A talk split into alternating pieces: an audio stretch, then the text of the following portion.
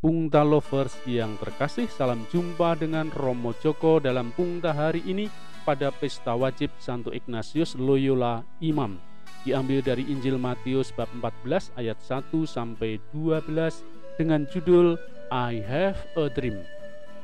Saya punya mimpi.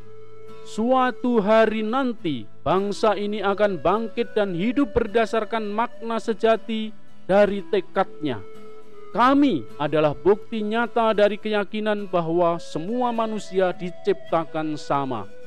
Saya punya mimpi.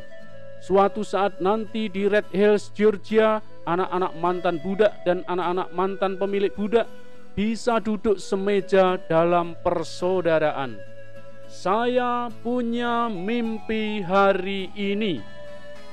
Inilah sekelumit pidato Martin Luther King Jr yang berjudul I Have a Dream saat memimpin demo besar-besaran di Washington Monument menuju Lincoln Memorial pada Agustus tahun 1963. Martin Luther adalah tokoh yang memperjuangkan hak-hak sipil Amerika. Waktu itu, nasib seseorang ditentukan berdasarkan warna kulit. Banyak aturan diskriminatif terjadi di area publik orang kulit putih diprioritaskan, sedangkan warga kulit hitam menjadi penduduk kelas 2. Pengalaman diskriminatif di bus umum pernah dialami Martin Luther. Ia harus memberikan kursi duduknya ketika ada warga kulit putih naik bus menuju ke sekolah.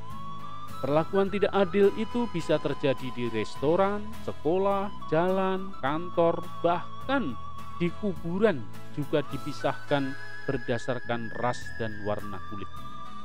Apakah di sini masih ada orang Katolik tidak boleh dimakamkan di kuburan umum? Tahun 1964 pemerintah federal meloloskan undang-undang hak sipil yang menghapus perbedaan perlakuan berdasarkan warna kulit. Martin Luther terus berjuang melawan ketidakadilan.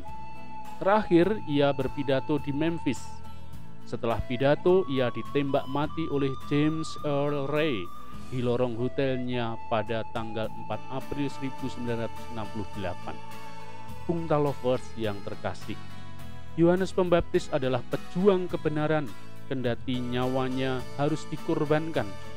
Yohanes Pembaptis mati karena dendam kesumat seorang Herodias yang tidak senang kehidupan pribadinya diusik oleh sang nabi.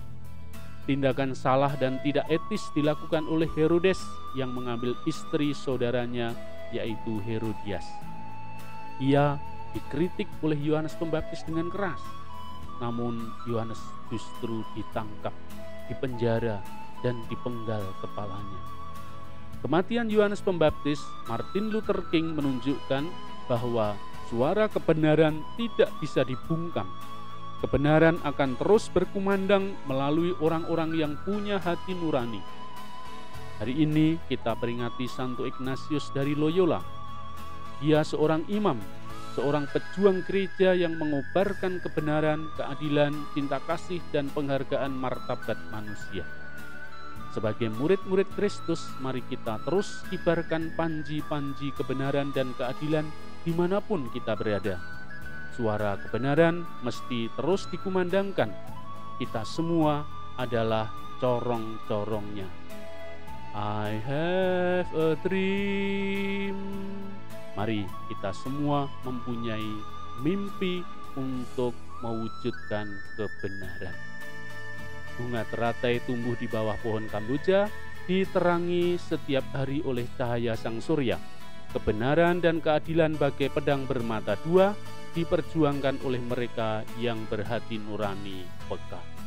Salam sehat, salam bahagia, dan tetap jaga protokol kesehatan.